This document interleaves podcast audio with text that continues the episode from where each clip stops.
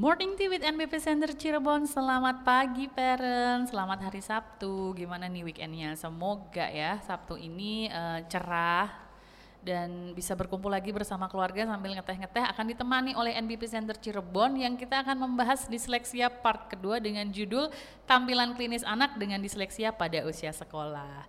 Seperti biasa, ini masih ada ahli-ahlinya disleksia di sini. Ada Ibu Citra Sabrina. Selamat pagi. Selamat pagi Mbak Devi. Nah, sekarang ganti nih terapisnya nih. Kemarin kalau kita kemarin sama Humaira, sekarang dengan siapa? Boleh diperkenalkan diri dulu? Ya, selamat pagi parents. Perkenalkan nama saya Dini Kusuma. Saya di sini sebagai terapis remedial di NBP Center. Oke, another terapis remedial nih. Jadi terapis remedial kita ada berapa bu sekarang? Ada tiga. Ada tiga. Ada tiga ya. Jadi ada Humaira, ada Mbak Dini, dan, dan ada Mbak Dwi. Mbak Dwi di minggu depan. Ya, Mbak Dwi ada di minggu depan. Jangan sedih, nanti kita akan kenalan sama tiga-tiganya. Nah, langsung saja nih bu. Uh, ini mau membahas tentang tampilan klinis anak dengan disleksia pada usia sekolah. Bisa nggak sih dijelaskan dulu nih uh, maksud dari tampilan klinis itu seperti apa sih? Iya, jadi selama ini banyak uh, kita banyak kedapatan juga uh, biasanya kita bilang kecolongan gitu ya anak-anak hmm. disleksia yang ternyata disarankan untuk uh, pindah ke sekolah luar biasa gitu ya karena memang maka dari itu kita perlu menjelaskan nih kesulitan belajar secara umum dan kesulitan belajar secara spesifik. Hmm. Kalau pada anak-anak disleksia itu tidak ada penyakit dan gangguan yang mendasari gitu. Jadi memang beda.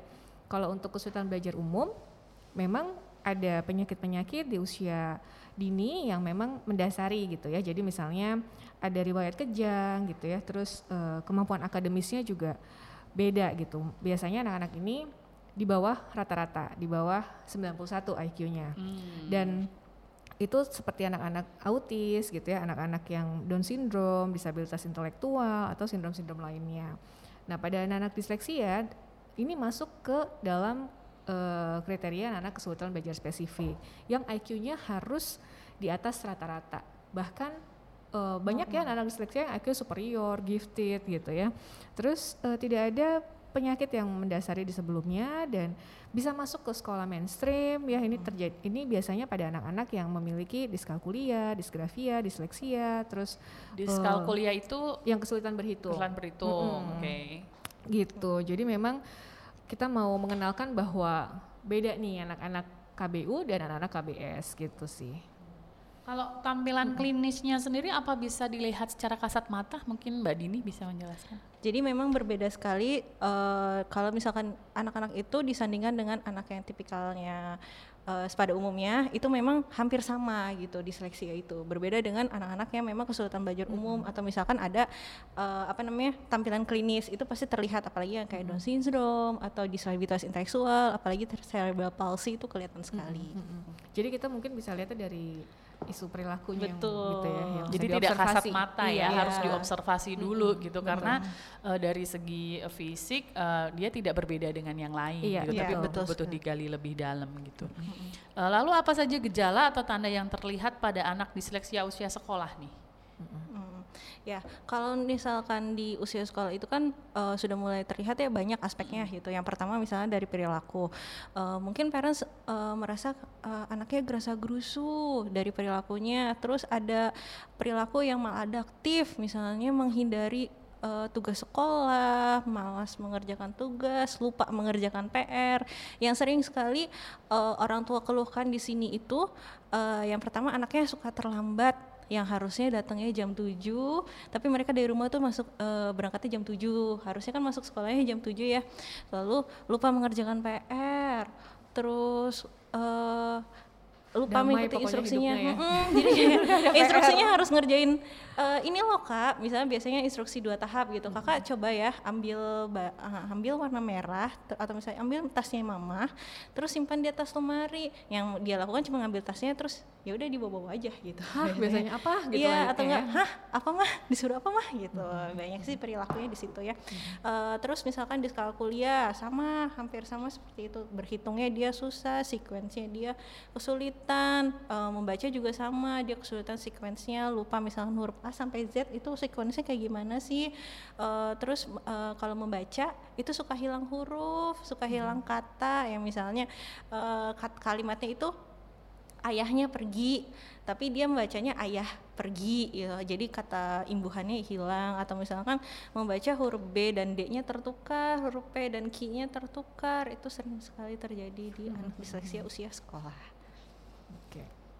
Pertanyaan selanjutnya nih, se- tipikal kalau disleksia itu di kelas itu bagaimana sih gitu? Ya, eh, tipikal kesulitan, eh, tipikal disleksia di kelas itu yang pertama itu kesulitan membaca dan menulis dibandingkan dengan teman-teman lainnya.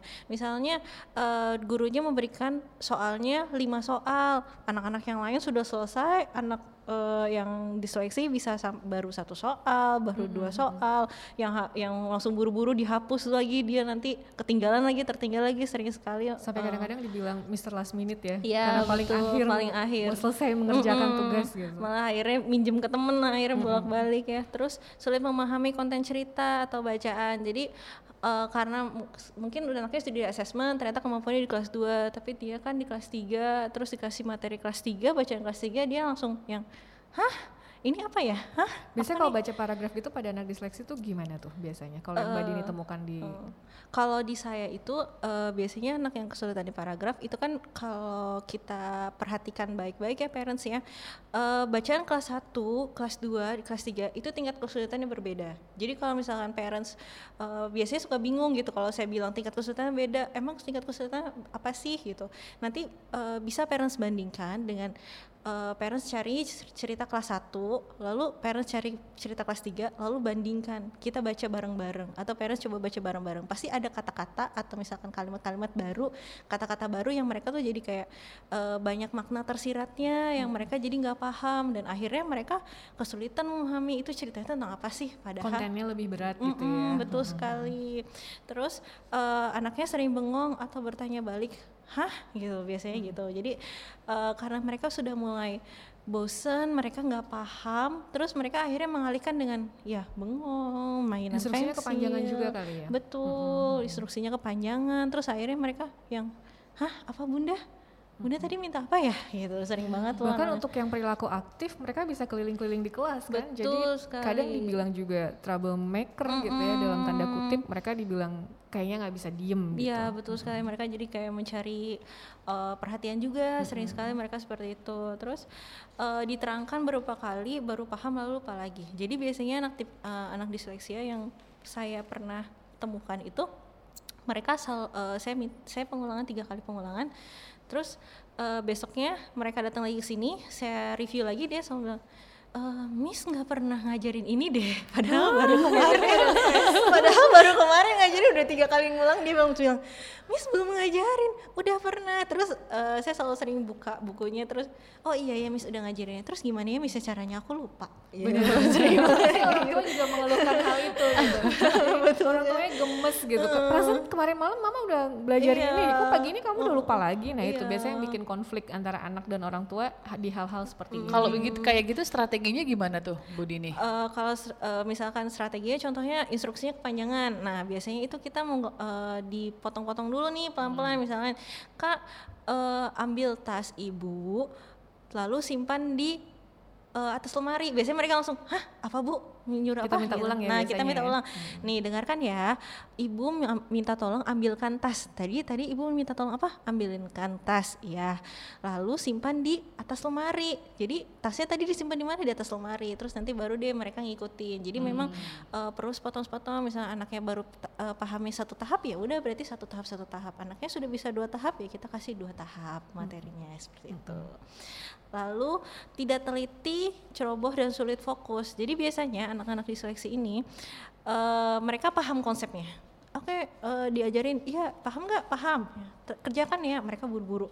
Wah, terus saya nanya, udah selesai belum? Udah. Mau dicek lagi? Mereka tuh selalu self correctionnya tuh memang Kurang yang ya? kurang gitu. Jadi mereka langsung yang enggak, udah.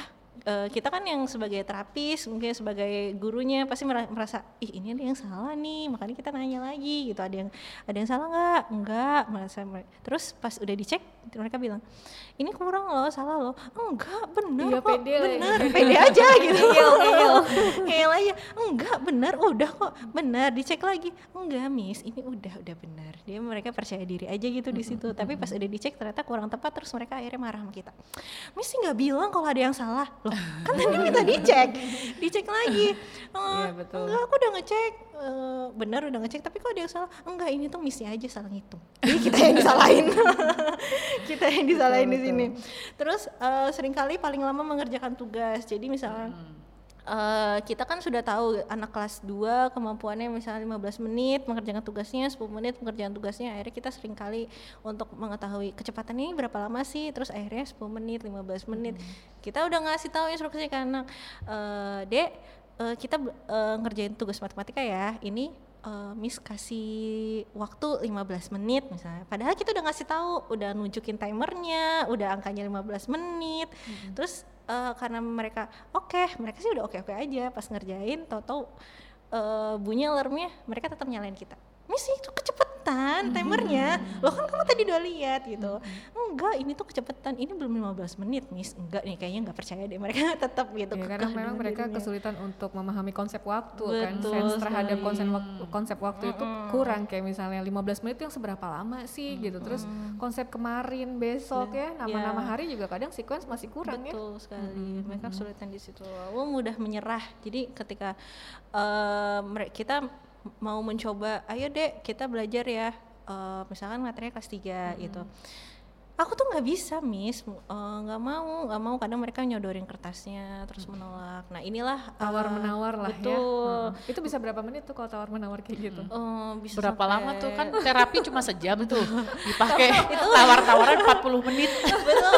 Bisa sampai setengah jam mereka nolak nggak mau. Terus kasih yang sebe- yang sedikit lagi eh, lebih mudah lagi tetap nggak mau. Ternyata eh, kita perlu lihat dulu nih mudah menyerahnya karena apa. Bisa jadi anaknya buk, eh, bukan yang nggak paham tapi mereka benar-benar menolak paper and pencil. Nah ini perlu parents ketahui bahwa ternyata anaknya ini memang ada gestur menolaknya gitu. Kayak tadi bilang nggak mau nggak suka aku nggak suka matematika. Tapi ternyata eh, pada saat kita memberikan media matematika madi- media berhitung mereka Konkret langsung berarti ya? iya media konkret tuh mereka happy gitu. Ternyata bisa. Langsung eh, orang tuanya berpikir ini anaknya tuh mudah menyerah sekali tapi eh, sering sekali ke saya.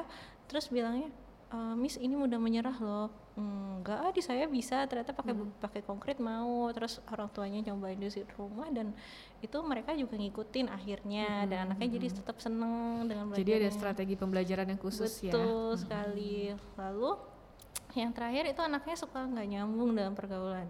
Jadi eh, mereka tuh suka kebingungan eh, mengartikan gestur tubuh kita. Misalkan aku tuh nggak suka, anaknya nggak Iya, suka, tapi mereka kayak "Oh, enggak kok temennya baik. Misalkan eh, ada salah satu ini ya.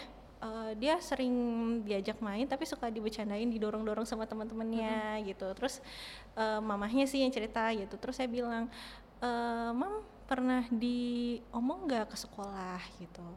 Eh pas saya tanya kenapa kamu didorong-dorong anaknya bilang enggak kok itu tuh cuman mainan teman-teman aku baik gitu padahal kan maksudnya dorong kalau dorongnya udah sampai jatuh itu kan berarti udah eh, bukan baik namanya Ada tapi motif ada ya. motifnya gitu tapi mereka tetap merasanya bahwa enggak kok itu teman-teman aku baik teman-teman Iya aku benar-benar. ngajak Jadi kayak main taunya cuma hitam sama putih aja gitu loh. Yang abu-abu nih yang kayak mereka dibully bahkan nggak sadar ya mereka dipalakin dimintain uangnya ya mereka kayak nggak merasa dia kehilangan betul. itu juga ada keluhan dari salah satu parents bahwa anaknya pernah sekolah eh, di sekolah waktu itu SMP ya dia itu dimintain uang sama teman-temannya dan anaknya nggak ngerasa bahwa itu adalah hal yang dipalak. dipalak gitu ngerasanya teman-teman aku baik itu cuman teman-teman aku lagi nggak punya uang jadi aku Iya. pinjemin gitu padahal sih nggak tahu tuh Iya, mau benar. dibalikin kapan gitu Balik lagi ternyata kompleks sekali ya. Iya, betul itu. Gitu. Lalu kan ini kan eh, kita ngomongin disleksia di usia sekolah ya gitu. Sementara kan kalau kurikulum sekolah kan ya dia nggak mau tahu ya gitu. Mau kalau di sekolah ya mohon maaf ya ini. mohon maaf ya Mas Menteri ya gitu. Cuman kurikulum kita kan ki- kita juga belum yang eh, oh ini karena ini dis- disleksia kita maklumi gitu. Sekolah kan nggak akan maklum ya Iya, gitu tetap dengan standarnya gitu. Nah, mungkin boleh di-share gitu strategi belajarnya bagaimana nih agar anak-anak kita nih bisa bisa ngikutin, bisa keep up lah di sekolahnya gitu. Sementara dengan eh, dengan keadaan disleksianya gitu. Hmm, ya, jadi strategi belajar itu yang pertama mungkin bisa kita melatih ingat instruksinya. Jadi eh, instruksinya singkat dulu, sederhana dulu. Kalau yang saya tahu sekarang kan parents-parents zaman sekarang ya mereka kan punya grup WhatsApp suka dari sekolah kan uh, miss-missnya bilang parents ada PR ya ada uh, matematika modul nih, iya ya. ada bahasa Indonesia nih gitu nah berarti kan apalagi sekarang lagi WFA ya bu jadi kan pasti uh, or parents tuh orang tua di di rumah tuh sebagai guru gitu. Nah, parents di sini bisa menggunakan instruksinya dengan singkat, pelan-pelan, sederhana. Jadi misalkan anaknya pas ternyata uh, instruksi dua tahap nggak nangkep, ya kita pelan-pelan satu tahap dulu, terus sama penggunaan kata yang sederhana juga itu betul, penting ya. Betul sekali. Terus kalau misalnya dia lupa, ulang lagi, diulang Iya. lagi pelan-pelan gitu. Memang sih per- capeknya tuh di sini gitu. Kalau parents Iya, bilang tuh betul. capek banget, Miss, masa ngulang-ulang terus sih? Pokoknya urat marah dan sabar tuh harus putus dulu iya. deh. ya. Diputus dulu deh. Terus lanjutnya kan biasanya anak-anak suka lupa nih atau tidak paham tugas atau PR-nya. Nah, di sini balik lagi eh, kita minta sih anak-anaknya eh, ada PR enggak gitu suka kita kan parents orang tua suka nanya ada PR enggak dek? Enggak ada. Nah kalau misalnya ketika anaknya bilang enggak ada kita sebagai parents itu harus aktif. Misalkan ya udah coba dong dilihat bukunya. Coba yuk sini sama ibu sama bunda. Kita lihat bareng-bareng ya. Coba buka PR mata, buku matematikanya. Kita buka buku bahasa bahasa Indonesia-nya. Padahal sebenarnya kita tahu oh ada PR Jadi gitu. mengenalkan pemahaman PR itu apa sih ke anak tuh perlu juga ya. biar melatih tanggung jawabnya juga untuk anaknya gitu. Lalu eh, untuk menghindari tugasnya biasanya sering banget anak disleksi itu kan menghindari tugas. Nah, beri hal-halnya misalkan gini, bacakan materinya akan dipelajarinya. Jadi misalkan eh aku nggak bisa gitu. Kita perlu tahu emang PR-nya apa sih, Dek? Matematika. Oh, ya udah yuk kita belajar bareng-bareng gitu. Ayo eh, jadi biar ada ikatan bonding ya antara dengan orang eh, antak dengan orang tua. Terus eh, orang tuanya juga sebisa mungkin menggunakan media-media yang konkret, media-media yang real. Contohnya untuk berhitung bisa pakai Lego atau anaknya misalnya suka pengen mobil-mobilan bisa tuh pakai mobil-mobilnya. Eh, kalau saya selalu bilang ke parents itu sebenarnya parents untuk mengajarkan anak di rumah banyak banget benda-benda di rumah tuh yang bisa kita gunakan gitu. Jadi eh, jangan Contohnya apa itu, Bu Nini? Eh, contohnya seperti tadi mainan Lego atau misalkan stick es krim, bisa- Kancing. kancing itu banyak banget atau misalkan anaknya suka eh, main puzzle, puzzle-puzzle yang kayak stick-stick itu kan banyak sekali ya Bu ya. Itu mereka senang banget eh, bisa digunakan di situ. Jadi sebenarnya di sini juga orang tua kayaknya perlu soft skill buat Mm-mm. ngajarin ke anak nih gimana sih gitu, tahu kesulitan anak tuh apa gitu. Berarti kelemahan kelebihan si anak juga parents harusnya Iya, lebih harus peka di situ, betul. kenali dulu anaknya Iya, sendiri ya bu ya betul, gitu kayak ini anak saya kurangnya di mana lebihnya di mana gitu jadi dengan kita mengenali anak eh, jadi kita tahu gitu treatmentnya seperti apa oh ini anak saya tuh kalau eh, main pakai A bosenan gitu dia Iya. senangnya yang B gitu berarti kita pakainya yang B gitu Iya. seperti itu ya Iya betul sekali. Nah selanjutnya nih eh, alat-alat bantu. Nah seperti yang tadi gitu alat-alat bantunya kita harus siapkan. Misalnya dek kita belajar matematika nih. Hmm, kita belajar berhitung. Adik mau pakai apa? Mau pakai stick es krim? Mau pakai mobil-mobilan? Atau mau pakai Lego? Atau mau pakai apa? Misalkan gitu. Eh, itu kenapa sih kita eh, meminta anak untuk memilih alat-alatnya biar anaknya juga eh, ada ada ini juga ya rasa keinginan. Oh iya aku mau belajar matematika karena iya aku pakai mobil-mobilan soalnya aku kan suka mobil-mobilan seperti itu.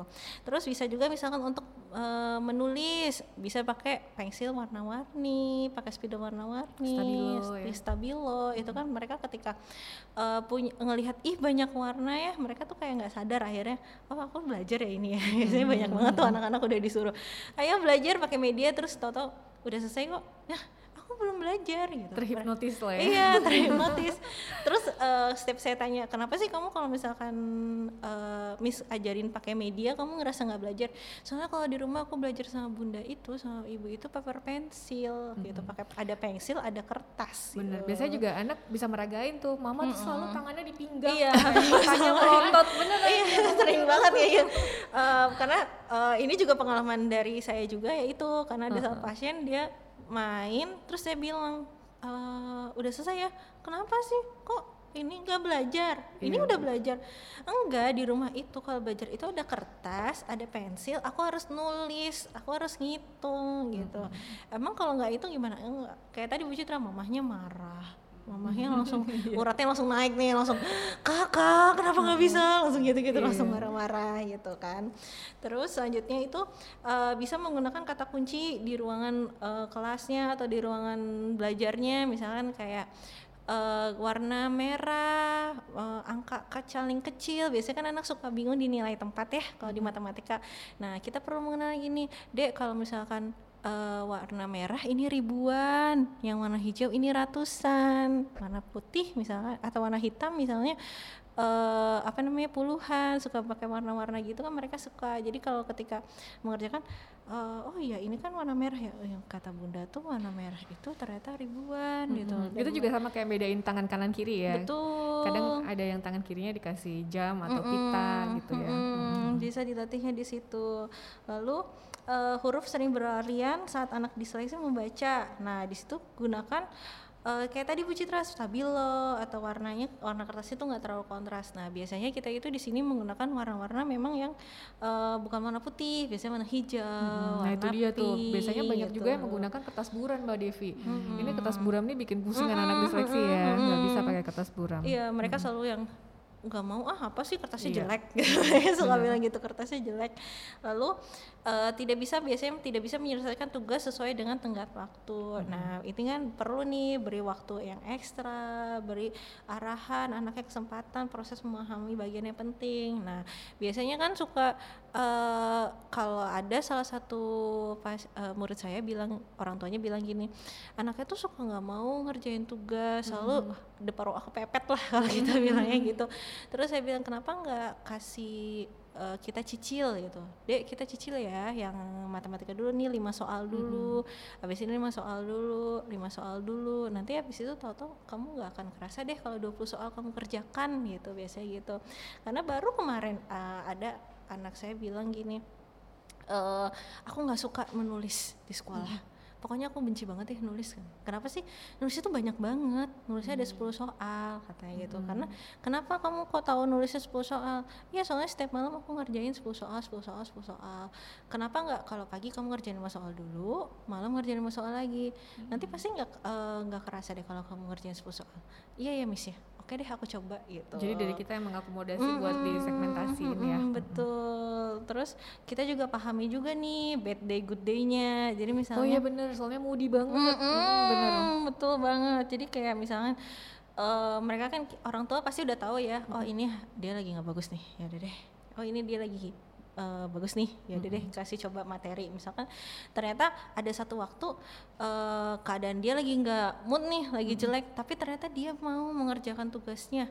Nah di situ kita perlu nih kasih apresiasi wah adek hebat banget sih ngerjainnya. Uh, apa namanya pinter. Biasanya nggak uh, mau. Nah itu nggak boleh ya. Biasanya nggak mau deh gitu tuh. Jangan loh tetap kita bilang iya betul ya dek. Selamat uh, keren banget sih bisa ngerjain. Oke deh karena adek udah ngerjain tugasnya uh, boleh main atau mama kasih reward nih dapat es krim seperti itu. Okay.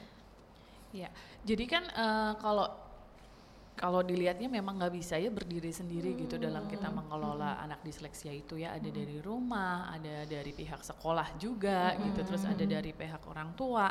Makanya uh, di episode sebelumnya kita sempat uh, mention tentang join konsul ya Bu Citra gitu. Yeah, nah, sebenarnya tujuan dari join konsul itu sendiri buat apa sih? Ya, jadi join konsul itu sebenarnya kita mau memaparkan nih materi hmm, seperti materi jadinya ya, -hmm. karena memang uh, kita paparkan juga tentang apa sih anak-anak disleksia itu kesulitannya di mana gitu. Bahkan kita beritahu juga kepada pihak sekolah bahwa ada uh, kelebihan pada anak ini di area yang mana gitu. Lalu ada yang masih perlu diintervensi lagi di bagian yang mana misalnya di bagian tulis menulis gitu ya. Ada anak yang memang sangat menolak saat instruksi menulis gitu ya. Nah itu juga uh, pasti akan muncul saat asesmen gitu. Jadi memang uh, kesulitan belajar spesifik ini kompleks kita mau mengenalkan di Join Konsul bahwa tidak hanya kesulitan dalam akademik aja, tapi hmm. juga ada pada perilaku. Hmm. Yang gangguan ini, gangguan perilaku ini sangat mempengaruhi performa akademiknya dong pasti. Nah, itu kita kenalkan di Join Konsul. Supaya apa? Supaya satu persepsi antara orang tua dan profesional yang terlibat. Biasanya profesional yang terlibat di sini adalah uh, terapis, guru ya, uh, saya sebagai psikolog dan tentunya dokter spesialis anak yang mengevaluasi uh, IEP-nya nanti per termin ya per tiga bulan kalau di NBP Center. Supaya satu persepsi supaya nanti long term outcome-nya juga jadi bagus gitu pada anak ini. Jangan sampai nanti uh, kita bekerja sendiri-sendiri si anak jadi bingung anak merasa tidak nyaman terus tidak termotivasi mengalami kegagalan-kegagalan berkali-kali akhirnya self esteemnya menjadi uh, tidak baik gitu. Nah ini yang perlu kita jaga. Terus uh, ini juga untuk mengelola anak-anak disleksia memang dibutuhkan kompetensi yang uh, referensinya jelas gitu, valid, berbasis ilmiah gitu ya. Terus komprehensif juga menganalisanya. Dalam mengelola kasus uh, tidak bisa setengah-setengah. Jadi maka dari itu di NBP Center memang saat mengelola anak disleksia perlu masuk dulu ke dokter Taufan sebagai spesialis anak untuk screening tumbuh kembang, lalu ke saya untuk mengetahui menelusuri potensi intelijensi lalu diadakan juga asesmen disleksia terus baru masuk ke terapis untuk membuat IEP-nya itu gitu. Supaya apa namanya jejaring interdisiplin dan interdisiplin ini terjadi sehingga outcome-nya bagus gitu pada anak perkembangannya uh, mengejar gitu ya pesat gitu. Iya. Mm -hmm. Jadi kalau untuk tadi kan uh, ada asesmen disleksia ya gitu. Mm -hmm. uh, kalau uh, assessmentnya sendiri itu secara rinci itu mm-hmm. meliputi apa aja sih Bu Citra? Nah ini assessment ini akan panjang ketika anaknya sudah tambah besar nih. Jadi ada anak disleksia juga yang uh, datang ke klinik kami usianya sudah di usia uh, eh, SMP, SMA gitu ya. Maka asesmennya akan panjang. Saya bisa sekitar 2 sampai tiga hari untuk gali datanya karena kita juga akan menggali terkait anamnesis uh, riwayat sebelumnya ya dengan orang tua lalu uh, kita juga ingin tahu point of view-nya anak ini datang ke NBP itu karena apa? Apakah dia udah merasa nih kalau ada ada sesuatu nih dalam dirinya dia gitu ya. Biasanya kalau sudah besar udah ngerti tuh, saya malas belajar gitu. Saya um, suka lupa gitu. Hmm. Saya suka berantem, yeah. suka main game. Mereka bisa ngomong kayak gitu. Hmm. Nah, terus kita juga cek tuh self esteemnya kayak gimana. Biasanya kalau yang sudah uh, sering gagal, maka datang dengan uh, gestur yang menunduk gitu ya, uh, badannya agak bungkuk, membungkuk gitu ya. Lalu dia juga tidak senyum ya, murung, Betul. suaranya juga kecil. Nah, ini kita juga uh, telusuri kira-kira kegagalan sebelumnya ada ada di area apa, ada perlakuan apa dari temannya gitu ya, seperti itu. Lalu kita juga cek kemampuan eksekutif functionnya selama ini dalam mengerjakan tugas-tugasnya, apakah masih membutuhkan orang dewasa yang e, mengarahkan atau memang sudah terampil karena kemampuan eksekutif function juga sangat berpengaruh pada performa anak ini dalam mengerjakan tugas-tugas di sekolahnya gitu ya. Terus e, cognitive processingnya juga kita tes juga nih kira-kira sesuai nggak sih sama usianya gitu. Misal usianya 14 tahun, benar nggak dia bisa mengerjakan soal-soal 14 tahun? Apa kita perlu turunkan dulu? Karena untuk uh, proses intervensinya sendiri kita harus mulai dari apa yang dia bisa yeah. gitu ya, bukan bukan kita memberikan materi yang berlebihan sehingga dia merasa dirinya nggak bisa apa-apa gitu, dirinya nggak bernilai gitu, gagal memenuhi target orang tua, gagal memenuhi target teman gitu ya dan tuntutan lingkungan sekitar gitu. Kita cek juga bahasa lisannya, tulisannya, sosialnya. Ada anak yang bisa uh, membaca 391 kata dalam waktu kurang dari dua menit. Ada. Itu dia diterabas komanya diterabas titiknya gitu ya. tapi begitu saya tanyakan kira-kira konten bacaannya apa? Jawabnya nggak tahu gitu. Hmm. jadi hal-hal ini juga kita sampai ngecek sampai segitunya gitu. Hmm. ngecek kemampuan literasinya numerasinya gitu. Terus uh, kita juga lihat talentnya apa nih? Karena pada anak disleksia kita harus munculkan juga harus explore. Uh, dia itu punya cara pandang sudut pandang yang berbeda dengan anak tipikal pada umumnya gitu terutama banyak yang menonjol di art ya di yeah, art gitu. dia uh, menggambarnya bagus sen, uh, apa namanya seni vokal gitu musik itu banyak sekali uh, per, apa namanya hal yang menonjol di di area itu gitu. Kita juga mengecek profil IQ-nya kalau tergerus berarti uh, asas sorry kalau tergerus berarti terapinya harus lebih banyak gitu. Yeah. kalau IQ-nya masih pada rata-rata dan uh, ke atas dengan perilaku yang udah baik maka hal ini menentukan proses terapinya ada berapa kali dalam satu minggu gitu dan kita cek juga komorbidnya gitu jadi banyak banget uh, aspek yang kita ungkap dalam asesmen disleksi begitu kalau sebanyak itu asesmennya berapa lama Bu? Nah itu dia.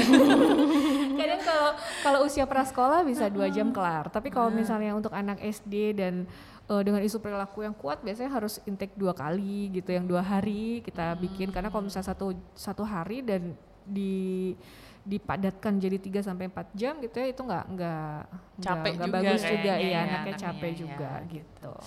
Aduh, bagian kedua disleksia nih. Apakah Agak semakin berat kayaknya ya. semakin membuka pikiran atau tambah semakin puyeng? Gimana nih Bu produser?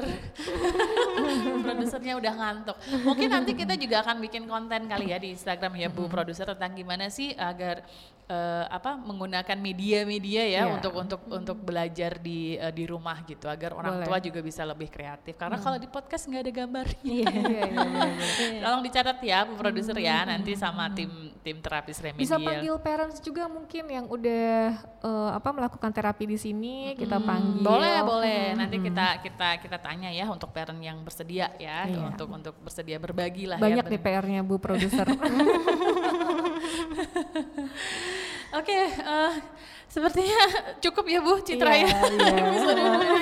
Lumayan jadi lapar saya. Nasi padang cus. Nasi padang cus dietnya bye bye. Oke, untuk closing statement eh, mungkin dari Bu Dini dulu nanti baru Bu Citra ya. Eh, untuk para parents yang ma- yang masih eh, mungkin kira-kira anaknya juga sudah tahu ya anaknya dengan disleksia atau belum tahu kira-kira belum tahu anaknya disleksia tapi sudah me- kayaknya itu kok yang disebutin tadi kok anak aku banget ya. Itu harus gimana gitu.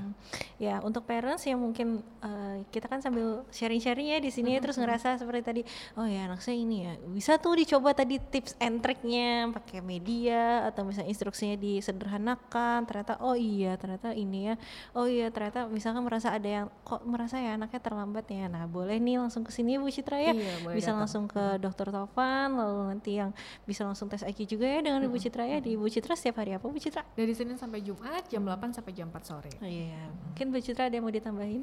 Iya, kalau saya mengajak para parents untuk bergerak tidak sendiri, karena kalau sendiri akan lebih eh, lelah pastinya, maka kami sangat terbuka untuk eh, kedatangan parents semua, untuk bekerja sama, untuk tumbuh kembang anak yang lebih optimal lagi, gitu. Iya. Jadi silakan bisa datang ke NBP Center Cirebon karena kegiatan kita pun juga banyak ya Bu Citra ya. Kita banget. ada IG live itu free gitu. Berapa kali seminggu sih? Dua kali seminggu ya. Dua kali seminggu ada IG live free bersama terapis kita. Kadang ada Bu Citra juga, ada. Betul. Tovan juga. Lalu nanti ke depannya kita juga akan mengadakan seminar. Lalu kita Parenting juga class pun- juga parenting kan class diadakan. gitu. Mungkin kalau dari parents gitu ya punya perkumpulan-perkumpulan yang aku pengen dong ngobrol sama Bu Citra, sama Bu Dini, eh, sama teman sama teman-teman aku gitu bisa juga ya Bu Bisa, Citra ya bisa gitu juga bisa kontak di di admin kita atau Free of charge ya Mbak Devi? Iya ya? free of charge. Karena salah satu misi kita kan pengen mengedukasi ya Betul. gitu agar agar Betul. semakin banyak orang yang aware dan sadar tentang tumbuh kembang anak Iya. ini. Kita juga ada parent support group nih. Jadi Iya. nanti kita akan kumpulkan eh, orang tua orang tua parents yang memang mempunyai mungkin anak dengan diagnosis yang Kebutuhan sama yang ya, sama, kebutuhan yang betul. sama ya. Jadi agar bisa sharing gitu. Hmm. Nah, mari kita tutup episode kedua di disleksia ini. Aduh, saya Paling sudah panjang kayaknya nih. Iya. ini kepala mulai nyut-nyutan, punya anak juga belum gitu ya. Ya, terima kasih ya Pers untuk atensinya pada eh, hari ini. Silahkan terus eh, pantau IG kami, Spotify kami karena eh, kalau untuk podcast kita akan reguler seminggu sekali hari Sabtu jam 10 pagi kita akan eh, launching Eh, IG juga banyak sekali konten edukasinya. Jika parent mempunyai pertanyaan atau eh, usulan tema atau ada kasus yang ingin dibahas boleh banget DM ke Instagram kita di mana Bu Bu Dini, kok Dini. Dwi sih Bu Dini. Belum, minggu depan. Belum. Minggu depan ya. Ya bisa di @nbpcenter.cirebon. atau bisa aja. ya bisa juga eh, ke email kita di mana Bu Citra nbpcenter.cirebon at gmail.com. ya terima kasih untuk Iya, atensinya hari ini terima we'll see you kasih. again next week bye Bye. Goodbye.